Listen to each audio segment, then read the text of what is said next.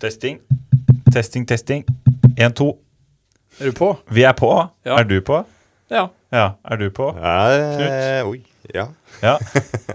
Så bra. Tre av tre er på. Ja. Vi heter Du skal kjøre mye og er en podkast av, for, med transportbransjen. Næringen. Næringen. Hvorfor er det så viktig å si næring og ikke bransje? Det er fordi bransje? at det er mange bransjer innenfor næringen, det vet du. Det Ok. vet du. Ok. Ja. Nei, jeg visste ikke det. Okay. Det er litt som emne og fag. Hva Ja. er hva? Ja, ja, ja. Nei, Ja. men er mange fag innenfor emner, er ikke det? Jo, men veldig mange tror det er omvendt. Og, og, Deriblant Knut seg. ja. ja, og, vers, og vers og strofe. Altså, et vers er bare én linje, og en strofe er flere linjer.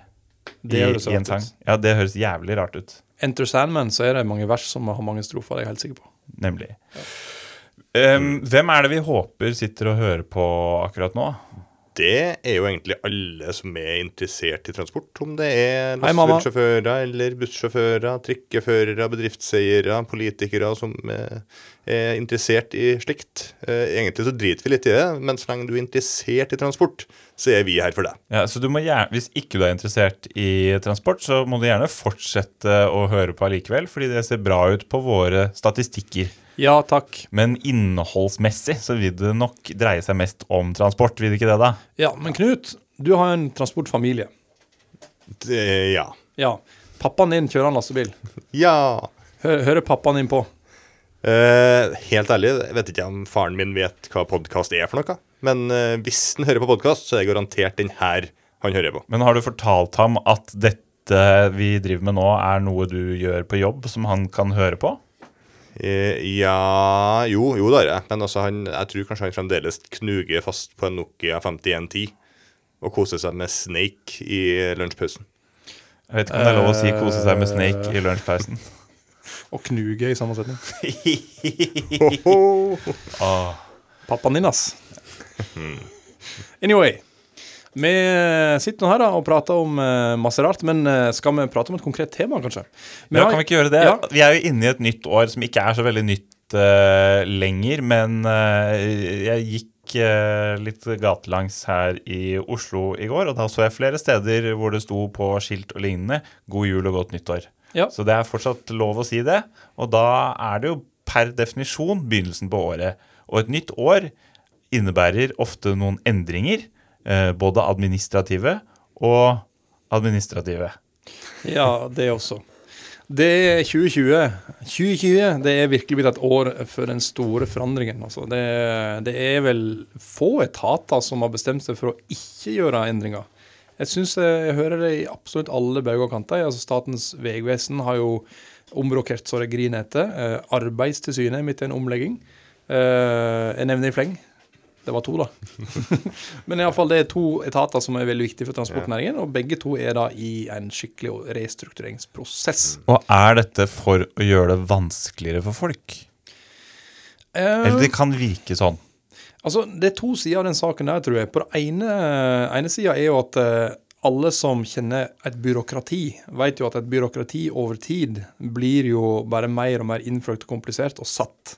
Ja. Så det kan jo være lurt å prøve å forenkle byråkratiet og forenkle systemene. Så jeg ser jo altså både mulighetene og, på å si, eh, viktigheten av å gjøre det innimellom. da. En, en klassisk byråkratigreie er at eh, man har f.eks. For masse forskjellige standarder. Jeg kan ta et konkret eksempel. Masse forskjellige standarder på hvordan utformingen av en buss skal være. Hvordan skal setene være, hvordan skal stoppknappen se ut, osv. Og så er det noen som finner ut at det er veldig knotete og veldig kostbart hvis vi skal operere rundt omkring i landet her med forskjellige standarder på buss på forskjellige steder. La oss lage én felles standard, da. Så bare bli enige om at stoppknappen skal være rød, og den skal sitte der, og setet skal være sånn, og bla, bla, bla. Og så lager man den nye standarden, og hva skjer? Det blir bare en standard til, i tillegg til alle de man hadde fra før. Så det som var ment å være forenkling, ble bare et kompliserende ledd. Ah, men her er du inne på selve universets natur, Benjamin. Loven om entropi den gjelder overalt. og Det betyr at alt, absolutt alt blir mer komplisert. Hele tida, hele tida. hele tida. Det er ikke vits i å kjempe imot. Så her gjelder det bare å være medstrøms og innstille hodet på lær mer. Nemlig. I alle fall så er det det som vi er nødt til å gjøre i Statens vegvesen-sammenheng. fordi nå er det sånn at Statens vegvesen Faktisk, unnskyld. Ja. Faktisk så er jo egentlig universet lettere å forstå enn Statens vegvesen, f.eks. For eksempel. Fordi universet er jo bygget på noen naturlover som er litt ufravikelige, i hvert fall veldig mange av dem veldig ofte. Mens eh, Statens vegvesen er ikke bygget på slike lover. Så det du sier, er at eh, Stephen Hawking han døde for tidlig. for han hadde Stephen enda Hawking er ikke oppskrytt. angrepet Statens vegvesen-problemstillingen. Nei, han orka jo ikke ta tak i det. Nei, det var det som tok Han sa han til slutt. 'takke meg til svarte hull og wormholes og, og kvantefysikk'. Det siste han tasta inn på, eh, på PC-en sin, var bare SVV. Fuck you. Ja. Ja. Ja, og da har vi igjen to lyttere som eh, ønsker å høre på denne transportpodkasten av for og med transportnæringa. Ja. Stephen Hawking, altså dagens eh, tema. Ja, Poenget er at eh, vi har lyst til å unngå å snakke om dette, for det er ingen som egentlig veit hva som skjer. Det er helt totalt i tåka. Altså, Vi vet jo sånn noenlunde hvor mange, hvor mange nye underdivisjoner det er i Statens vegvesen. Vi vet hvilke direktører det er der. Og jeg har sågar snakka med noen av dem, og de er veldig koselige. Men eh, det er likevel utfordrende for alle de som jobber der, under der igjen, da. På eh, å, å klare å orientere seg. Hvordan skal de forholde seg til den nye hverdagen? Alle har fått nye retningslinjer, det er nye datasystemer. Det er full pakke. Men det gjorde av at jeg snakka rett og slett med vegdirektøren sjøl, for vi har jo fått en ny en. Ja. Og Hun heter Ingrid Dahl Hovland. Hun er den første kvinnelige veidirektøren. ja. Og det er jo kult i seg sjøl. Det som er enda kulere, er at hun kommer fra samme kommunen som meg. Ikke bare samme kommunen, men samme bitte lille bygda også, som heter Nadvik. Utenfor- Nadvik? Nadvik, ja. ja. På folkemunne kalt Vikadalen. Ja, det er sånn som hvis det skjer noe i Nadvik, og de skal snakke om det på, på Dagsrevyen, så må de si sånn Nadvik i større sted. I større sted. Altså ha flere sånne ledd for å forklare hvor det ligger? Tre eller fire ledd tenker jeg vi må ha der, før folk forstår konteksten. Nadvik i Skvattfjord, i Sundfjes, i Fjellflaf, i Vestland. Ja, altså Det er er beskrivende at det ikke var vei ut dit før godt på 80-tallet. Men, men du sa at Ingrid Dahl Hovland var den første kvinnelige veidirektøren, og det stemmer jo. Men vet dere hvor mange veidirektører det har vært før? Ja? Altså Den første veidirektøren i Norge Ti. ble tilsatt i 1864. Ti. Oh, ja. Jeg sa svaret. Ti. Ja, for du er, en, du er en sånn gledesdrepende kødd. Altså, Hva med å la suspensen liksom ligge litt over oss? Men var ikke på en måte Harald Hårfagre en slags de facto veidirektør? Kan man ikke si det? ifølge Wikipedia, og det er den, den mest troverdige kilden jeg finner. Ja. Altså, Det er helt vilt hvor lenge disse her direktørene har sittet her for noen av dem. De, de, de sitter jo i seksårsperioder, ikke det som er riktig? ja. Og så forlenges de da eh, med gjennom mellomrom, håper jeg. Med seks års mellomrom eventuelt. Jeg tror faktisk de er bare ansatt. Jeg tror ikke det er et åremålsregler i Nei, er usikker. Men, men, ja, men de kommer som regel ikke fra inni Statens vegvesen fra før av. De kommer fra et annet sted. Ja, altså Terje Moe Gustavsen, vår forrige, forrige vegdirektør, han var jo samferdselsminister for en Ja. periode. Og han hadde et engasjement i Avinor, hadde ikke han det? Ja. Eh, og eh, var ganske godt kjent allerede da. Ja. Og Ingrid Dahl Hovland var jo da direktør i Nye Veier, som uh, seila opp som eh, statens alternativ til Statens vegvesen, som skulle vise Statens vegvesen hvordan man egentlig skulle bygge, vei fort og effektivt. Mm. Og nå har vel eh, kanskje man tenkt at å ja, det funka bra der. La Ingrid Dahl Hovland prøve seg i Statens vegvesen også. Det er jo der egentlig forandringene trengs. Ja, så er det et trivelig navn. Ingrid Dahl Hovland. Høres ut som f.eks. en som kunne stått bak det norske bidraget til eh, Eurovision Song Contest. Ja, det er sant. Altså, eneste hun mangler da, er jo et uh, kostyme i tre etasjer. Uh, dansere som gjør sånn der, sånn der eh, geisha, eller sånn der indisk pose bak, eh, bak henne i serie, og masse flammer. Og ikke minst et form for native instrument. Ja. Vet du hva? Vet du grunnen til at jeg ikke ser på Beat for beat? Det er at eh, jeg, jeg har et problem med krøllene til han ene pianofyren. Jeg har et problem med alt som later som at det ikke er innøvd, og så er alt innøvd likevel. Ja. Det er mitt store problem med Bit for bit. ja, det er på andreplass da for meg. Men i alle fall, det vi gjorde, var at jeg satte meg ned med, med min eh, sambygding, Ingrid Dahl Hovland, på Transportkonferansen 2020. Og eh, for det første var jeg ganske forkjøla da, så du vil høre at stemma mi pitcha ganske bra ned når vi nå kjører dette opptaket her. Dette, du gjør en kjempejobb med å selge inn dette her Ja. nå. Og så funka ikke hjernen min de siste 30, første 30 sekundene cirka. Så bare ha det med i hodet når dere nå hører intervjuet mitt med Ingrid Dahl Hovland. Uh, Ingrid Dahl Hovland, du er Norges nye veidirektør. Uh, og du er også landets første kvinnelige veidirektør. Det har vært en lang lang rekke med menn, som plutselig så kommer du. Hvordan eh, har, du, har du opplevd et eller annet, noen form for eh, eh, forventninger eller press knytta til det? Nei, egentlig ikke. Det er den bakgrunnen jeg har fra industrien og lang tid med veibygging, som er den kunnskapen jeg bringer med meg inn, og som det er forventning til at jeg skal få mest mulig ut av sammen med mine i den jobben jeg har nå. Du har jo eh, store sko å fylle. Eh, Terje Mo Gustavsen var jo en, en eh, person som var veldig høyt akta i lastebilnæringen spesielt. Eh, men han har også gjort veldig mye for trafikksikkerheten i landet, og blir jo kalt si, nullvisjonens far. Eh, og du har jo signalisert at det ikke akkurat kommer til å bli mindre satsing på det framover.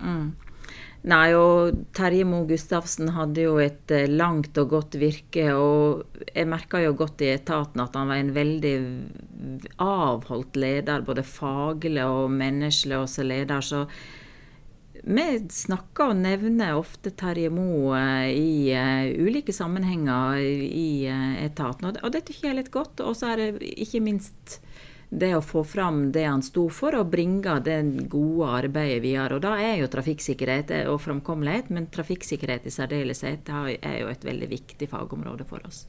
Full styrke videre på satsingen der. Og så er det litt krevende nå å komme seg ytterligere ned, så men det å liksom fortsette det gode arbeidet, kunnskapsbasert, granskning, eh, jobbe bredt ut i samfunnet, holdning, atferd, opplæring, ny teknologi, som da òg gir et bidrag til økt, økt sikkerhet i bilparken, og det er jo viktig for oss.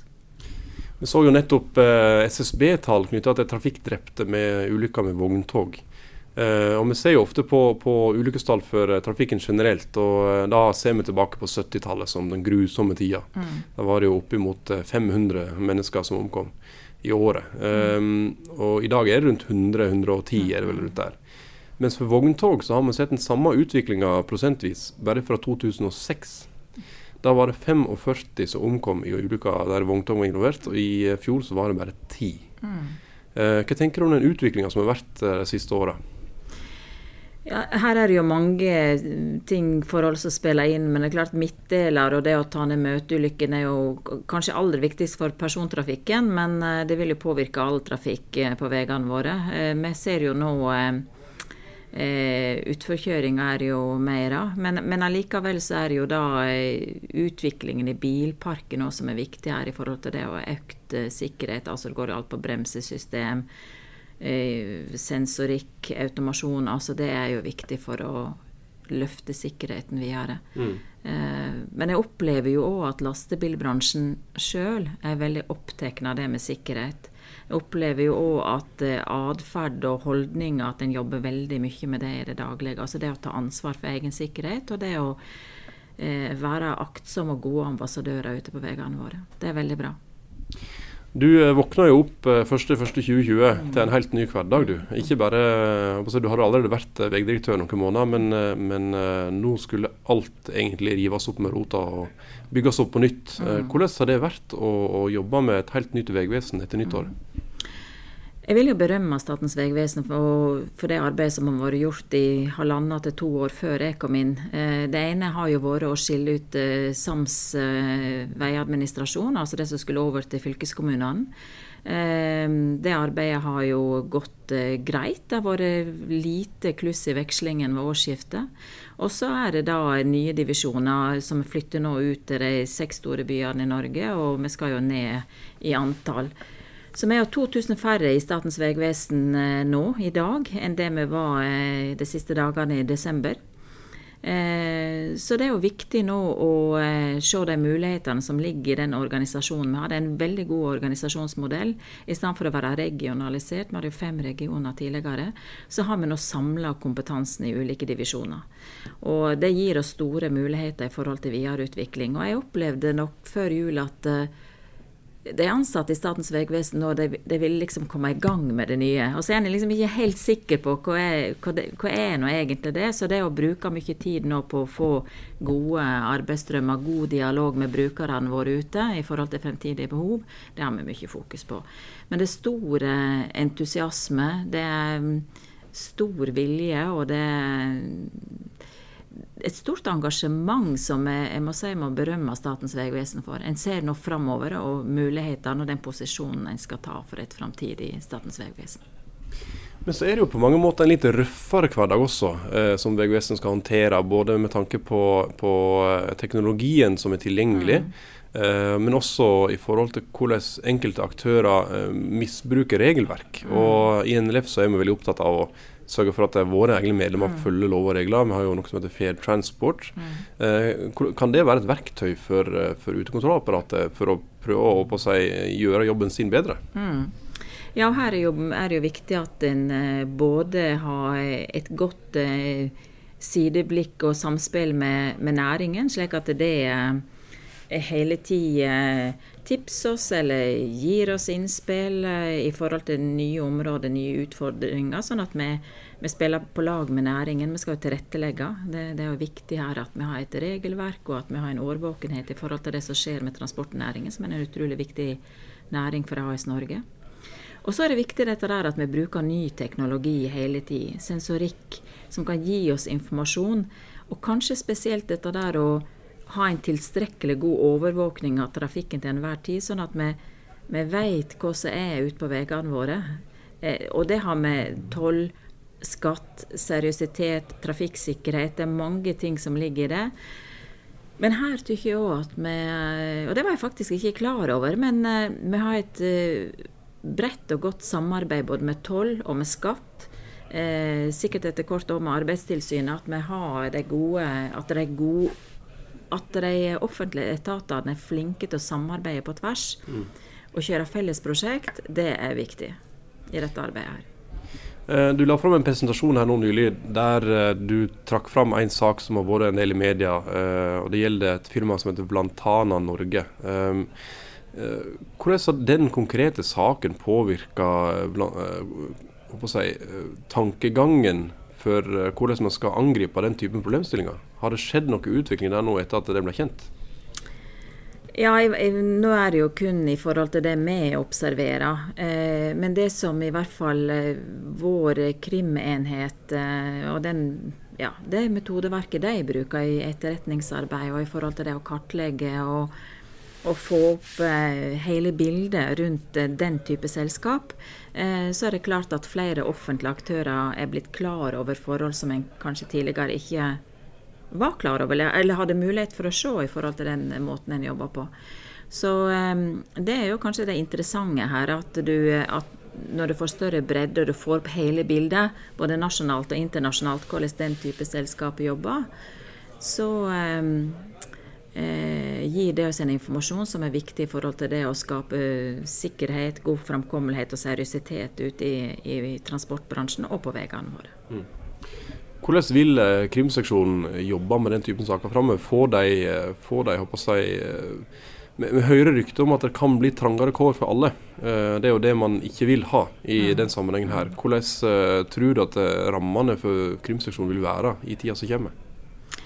Det, det, er ikke noe i oss i dag som tyder på at uh, ikke krimseksjonen skal jobbe videre på den måten og, og videreutvikle seg langs det sporet som de har lagt ned mye godt arbeid i. og Eh, men så er det klart det har vært en omlegging og nedbemanning, og det på en måte berører jo egentlig alle. altså Alle må mm. på en måte bidra med sitt. Men eh, det er ingenting i oss som eh, tilsier at ikke krimseksjonen skal fortsette det gode arbeidet med samme trykk eh, som det de gjør i dag. Det, er absolutt. Og så er det jo kanskje først og fremst Eh, transportnæringen vi, skal bruke de ressursene på. Eh, og så la andre deler kanskje jobbe mer eh, tradisjonelt. Eh, så det er noe med kanskje å rette innsatsen der vi så, ser at vi får mest igjen for det, i hvert fall nå i første omgang. Ok, Så dere tenker rett og slett at krimseksjonen i størst grad skal se på transportnæringen? Altså Det er jo der eh, vi har sett nå at eh, den måten å jobbe på og drive etterretning på gir eh, gir oss veldig god informasjon i forhold til hvordan vi skal håndheve regelverk, hvordan vi skal utvikle transport, være en bidragsyter til å utvikle transportnæringen videre. Så en må jo på en måte med de ressursene en har, klare å rette innsatsen der det Litt tilbake til pyramiden som jeg viste i år. Mm. altså Det at vi jobber mest inn i, i rød sone, der vi har eh, et inntrykk av at eh, her, er, her, bør vi jobbe mer og rette en innsats i forhold til det å avdekke og kunne jobbe eh, på, Kunne påvirke næringen, den delen av næringen eh, med seriøs forretningsdrift videre. Da. For å forklare til lytterne, altså den Pyramiden du snakker om, den er rød på toppen, og så er han uh, grønn-ish uh, i midten, og så er han veldig grønn på bånn. Ja. Uh, og på bånn, det er der vi vil at NLF-bedrifter skal være, og helst de som har Fair mm. Transport-sertifisering. hva betyr det for bedriftene ute på kontrollplassen når det blir stoppa? Altså, hvis du har en Fair Transport-sertifisering og du kan dokumentere det raskt, vil det være lettere for en bedrift som har det, å ferdes ute på veiene? Nå kjenner ikke jeg Fair Transport veldig godt. Eh, jeg var i første i år at jeg liksom klarte å eh, få litt oversikt og sette meg inn i det. Eh, men for å ta en parallell til miljøsertifisering f.eks., så er jo det litt den samme tankegangen. Altså klarer du å vise gjennom en systemtankegang at du dokumenterer at du har alt i orden i det daglige, så skal det være, da skal det være litt check når det da blir tatt inn til en kontroll. Og så er det viktig for oss å ha virkemiddel eh, slik at eh, de kontrollene vi kjører ute, de er retta, altså at vi får mer treff. Altså vi stopper de som ikke har eh, alt på stell. Enten det er dekk eller fartsskriver eller hva det nå enn er.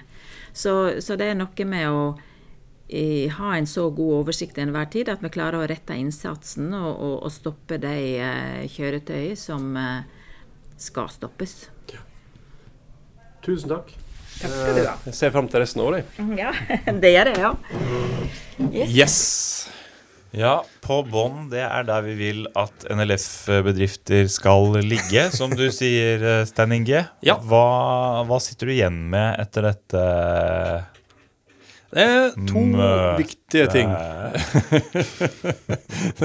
Tonefall eh, til begge av oss kunne kanskje vært mer spennende. Jeg tror, jeg tror, egentlig at det var et dårlig tidspunkt å ta intervjuet på, for at vi var slitne ja. begge to. Ja, når var det her? Det her var vel eh, Kvart over ett. Eh, natt, natt for jeg, jeg syns jeg hørte litt sånn her, nesten helt... sånn skålelyder i bakgrunnen. Var der under festen? fest? Jeg tror faktisk det var helt på slutten av dagen. Jeg. Jeg tror det var, det var, det som var problemet, at vi har hatt en konferansedag, og så På slutten av dagen, altså rundt midnatt, da? Ja, ja nei. Ja. ja altså, nei, du får litt tics i fjeset ditt nå. det, men det har med Tourettes syndrom og ikke noe annet å gjøre. Nei. Men iallfall, eh, det som eh, jeg sitter igjen med ut ifra det jeg hørte, det er nummer én. De vil ikke knipe på midlene til krimseksjonen, sjøl om det blir trangere kår framover. Det er veldig bra, fordi krimseksjonen er jo de som, som har oppnådd beste resultater på å avdekke kriminalitet. Og, og, forhold som er dårlige for, for de seriøse i næringen. Mm. Så det er bra. Eh, det andre er at eh, etter hvert så vil hun selvfølgelig lære mer om fair transport. og når hun sier det at eh, de som har sertifiseringsordninger som kan dokumentere raskt og enkelt at de har ting på, på stell, de skal ikke bli plaga ute på kontrollplassene. Og det er jo i tråd med det som kalles for den risikobaserte kontrollstrategien til Statens vegvesen. Ja, for da kan du gjøre profiling med æra i behold, på en måte? Ja, ja, ja, ja. det, er jo, det, er jo, alle tjent med. Ja, du, du kan forhåndsdømme ganske bra ute på kontrollplassen, og det er jo det de gjør, egentlig. Nå kom det nettopp en pressemelding der de sa at eh, nesten halvparten av alle de stoppa, har feil. Eh, det høres litt rart ut, men i utgangspunktet Det ble jo slått opp som et sjokktall ja, i riksmedia. Det hørtes ut som at verden var i ferd med å gå til helvete. men Eh, når man snakker med den kontrolløren som, som lot seg intervjue, så sier jo han at men målet, målet er jo at 100% av bilene stoppet skal ja. ha mangler. Eh, så det er klart når man ser bort fra at man bedriver risikobasert kontroll, så høres det jo helt jævlig ut at det tallet er så høyt. Men, men da betyr mangel i den sammenhengen kan være f.eks. at du mangler et, en, en skiltlyspære som har gått? Altså, Det er nok dessverre, ja, dessverre også men... sånt, men, men, det er jo ikke det de primært er på utkikk etter. De er på utkikk etter alvorlige feil som faktisk er trafikkfarlige. er det sant? For det. jeg trodde at de primært var ute etter skiltlyspærer. Ja, det er Tenk hvis du bare ser halve, ly, altså halve skiltet i godt lys, og den andre halvparten i litt sånn dunkelt lys. Hva skal du gjøre da? Ja, Hvorfor skal du eh, Tenk litt på det. Men det som er litt kjekt, da eh, En av de nye direktørene, underdirektørene i Statens vegvesen heter Kjetil Vigdel. Han burde vi hatt en egen prat med etter hvert, og det skal vi. Han er jo eh, ny direktør for utekontroll i hele Norge. Og han forteller jo oss akkurat det samme som, eh, som Ingrid Dahl Hovland forteller, at eh, det, det skal være mulig å bare kjøre rett forbi hvis du har ting på stell. Fordi det, de har så mye teknologi i dag. De har termografskannere som kan sjekke om du har varmgang i, i bremsa. Eventuelt om du ikke har noe varmgang i det hele tatt, eh, som betyr at bremsene ikke er på. De kan sjekke førerkort og, og alle forhold som ligger fra før av allerede før du kommer inn på plassen, fordi den leser skiltet på bilen på eh, noen hundre meter i forkant og ser at ja, den her har jo allerede vært stoppa et par ganger med masse tull. Da blir han automatisk flagga inn. Mens en bedrift som kanskje har vært stoppa et par ganger tilfeldig, der alt var i orden, veldig godt inntrykk, den blir kanskje vinka videre neste gang. Så på sikt så vil da eh, de bedriftene som har ting i orden, merke at de ikke blir stoppa nesten i hele tatt. Mens de som eh, sliter med å dokumentere kvaliteten sin, eh, leser mellom linjene, virkelig driter på draget, de kommer til å bli stoppa igjen og igjen og igjen. Så jeg er veldig fan av risikobasert kontrollstrategi. Jeg blir så engasjert når jeg hører det, for jeg er så glad i det. Så tenker Trekanten den er fin, for den er rød på toppen, og rød vil ikke du være. Du vil være på bånn, der er trygt nede blant eh, alle de seriøse grønne bedriftene. Hadde det gått an å få til en ordning hvor hvis noen eh, hvis, en Nei, du kan ikke snu eh, pyramiden opp ned. Hvis en transportør blir stoppa, og det er masse kødd Mm. med det tekniske eller med det formelle at, Eller du, uformelle. At det blir litt sånn Du vet, politiet kan jo f.eks. rekvirere berging på din regning, enten du vil eller ikke, hvis du har driti deg ut eh, eller et eller annet sånt. ikke sant? Mhm. Men burde det ikke også være en sånn Hvis du da blir stoppa, og det er masse kødd og ting som du burde vite ikke er greit liksom, det, er, det er åpenbart at du har gjort noe galt. At, at man da bare rekvirerer en seriøs transportør til å bare komme og overta lasten din på plassen. Jeg tror ikke i mange tilfeller at det er det som faktisk skjer. Hvis eh, f.eks. en lastebil blir stoppa med dårlige bremser, litt forskjellig, så får ikke den bilen kjørt videre før den feilen er utbredet. Da må den bilen til et verksted.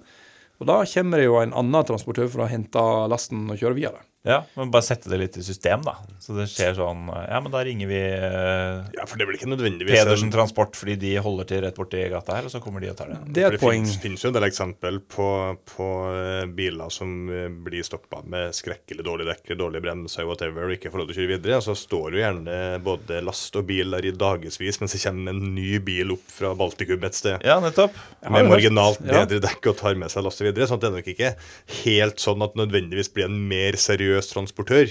Altså, Mange kontrollører ser jo da muligheten til å gjøre hat trick, nesten. Altså, Det kommer jo eh, erstatningsvogntog på erstatningsvogntog Det er litt sånn der er så- honningfelle for useriøse Ja, nettopp.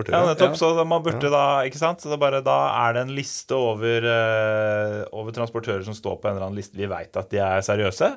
En av de rekvirerer de etter sånn hvem som er i nærheten og kan ta det. Og så kommer de og tar den lasten. Ferdig snakka. Og du som blir stoppa, ditt firma må betale for det. Men, men kanskje når, altså når Statens vegvesen har et faktisk transportbehov, kanskje de burde sørge for at det transportoppdraget blir solgt på en sånn skikkelig skikkelig useriøs transportbørs. Og så kan de bare stå klar og bare kaste seg over vedkommende transportør som kommer med noe ræl, eh, og bare shut it down.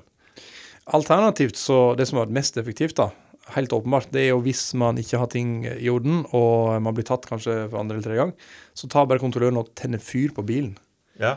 Det er også veldig greit. Da, da, stopp, da står den der. Hørte det først her. ja, men det er, det er potensialet her, er det ikke det? Ja, Det er det er litt sånn kjipt sånn klimamessig, kanskje. Et godt poeng. Det eneste gode argumentet imot. Ja. Ja. Men, vi, Nei, men I dette ja. å få en lokal transportør til å overta, liksom. At de, at de bare blir rekvirert, at alle, og at alle veit at sånn er det. Har du ikke ting på stell, så kommer det noen lokale og tar over. Ja, Ja. det høres ut som et, eh, en beskrivelse av en westernfilm. Jo, Ja. det er litt sånn, eh, litt sånn Jimmy Hoffa operert eh, da han drev den her enorme fagforeninga i USA. Eh, eh, Hvis noen har sett filmen The Irishman eller filmen Hoffa, så kjenner dere til det her. Oh, yes. Til alle dere så vil jeg anbefale eh, Knut sin solopodkast som eh, Transport movies. Ja, dere snakker vel om Jimmy Hoffa for femte gang i, i siste episoden der nå. Så den er det bare å sjekke ut. Jeg Har ikke funnet den, da. Den ligger der du ikke finner dine podkaster, tydeligvis et eller annet hemmelig sted. Og jeg tenkte på Jimmy Hoffa, ja. Ikke Ja. podkasten. Nei, men eh, eh, Ja, ja, det var noe litt apropos, da. Tenne på biler og sånn. Altså, det var en veldig populær teknikk Ja, for å bli kvitt brysomme anekdote sjøl. Som var Jeg skulle med et Norwegian-fly. Det, var- det var streik. Eh, enten flygeleder eller Norwegian-streik, husker ikke. Eh, og var stuck i På Island, var det vel? Ja, Snikskrutt. Askefast. Har vært på Island. ja. Da rekvirerte de altså et erstatningsfly eh, som for det første tok veldig lang tid før det kom, fordi det var i Marokko eller noe sånt, og de skulle få det opp derfra. Og da det kom, så var jo det et Det var et bare sånn hvitt fly uten noe logo utenpå, eh, hvor det lukta røyk i kabinen. og alt var sånn gulnet. Alt som var av hvit plast og sånn, var helt sånn falmet gult. Eh, så det, der skulle jeg ønske at det var krav om at de hadde rekvirert et lokalt Iceland Air. Istedenfor å vente på dette fra Jeg husker til og med hva de het, dette charterselskapet. High Fly. De fant et fly som hadde stått i en hangar siden 1982. Ja. High Fly, et portugisisk flycharterfirma. Men hva det her egentlig hadde fungert som røykerommet for eh, pilotene i sånn 20 år, og så ble det sånn sendt For det hørtes så Eh, veldig Altså jeg tipper at det var et fly som var tatt ut av tjeneste, som de drev og hadde brannøvelser inni, eh, men som de så satte i drift igjen til dette oppdraget. Mm, deilig. Ja. Ja, hva tenker dere om 2020, da? Kommer Statens vegvesen til å komme seg ordentlig på beina og begynne å rydde opp? Og kommer fylkeskommunene til å klare å ta unna fylkesveiene sine på en god måte? Vet ikke. Var det et ja-nei-spørsmål? Det var et, eh, jeg tror det er et ja-spørsmål. Ja. Nei, altså Jeg tenker jo at det må være lov å håpe. Eh, og så er jeg jo litt sånn eh, Det må være lov å si at man ikke er sånn her kjempeoptimistisk i starten av året. Det har vært en utrolig kjip start på året. Jeg tror ikke jeg skal gå sånn veldig detaljert inn på det, men det er jo sånn at vi har hatt veldig mange stygge ulykker allerede veldig tidlig i året. Ja. Eh, veldig dårlige tall når det kommer til både alvorlig skadde og folk som har blitt drept i trafikken. Så jeg håper jo virkelig at, at det liksom ikke er sett standarden for, eh, for resten av året. Nei, det har ikke vi så mye å gå på før vi allerede har bikka fjorårets eh, statistikk, altså. Det er jo ikke, det, det er ikke bra. Det er Vi vil jo den... gå andre veien. ja, nettopp. Det er ikke den veien pilen skal peke. Det heter nullvisjon av en grunn. Nemlig. Ja ja, Da har, okay. har vi mer på hjertet da, eller? Nei, jeg syns egentlig at jeg har tømt meg ganske bra. Ja. Og dere har jo vært på konferanse i hele dag, så dere er jo klare for å komme dere ut og være i den frie verden. Ja, jeg tenkte å tømme meg hjemme etterpå. Mhm. Ja. Nei, men vi har bikka den eh, magiske halvtimen, så da er det vel bare å runde av og minne om at Ja, for magisk, det var han.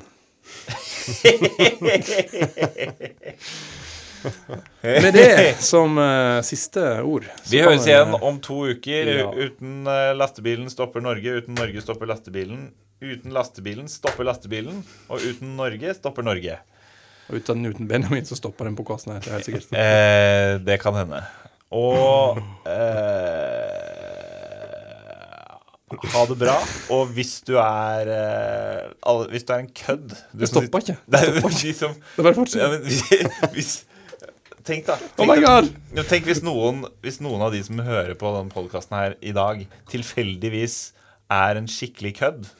For det, for det, for det kan jo hende. Ja, sjansen er Det kan jo hende. Alle Hvis, tusen på tusen av vi har, så er hvis det noen som hører på, er skikkelig kødd i dag, så er det liksom personlig oppfordring til deg om at øh, du må skjerpe deg.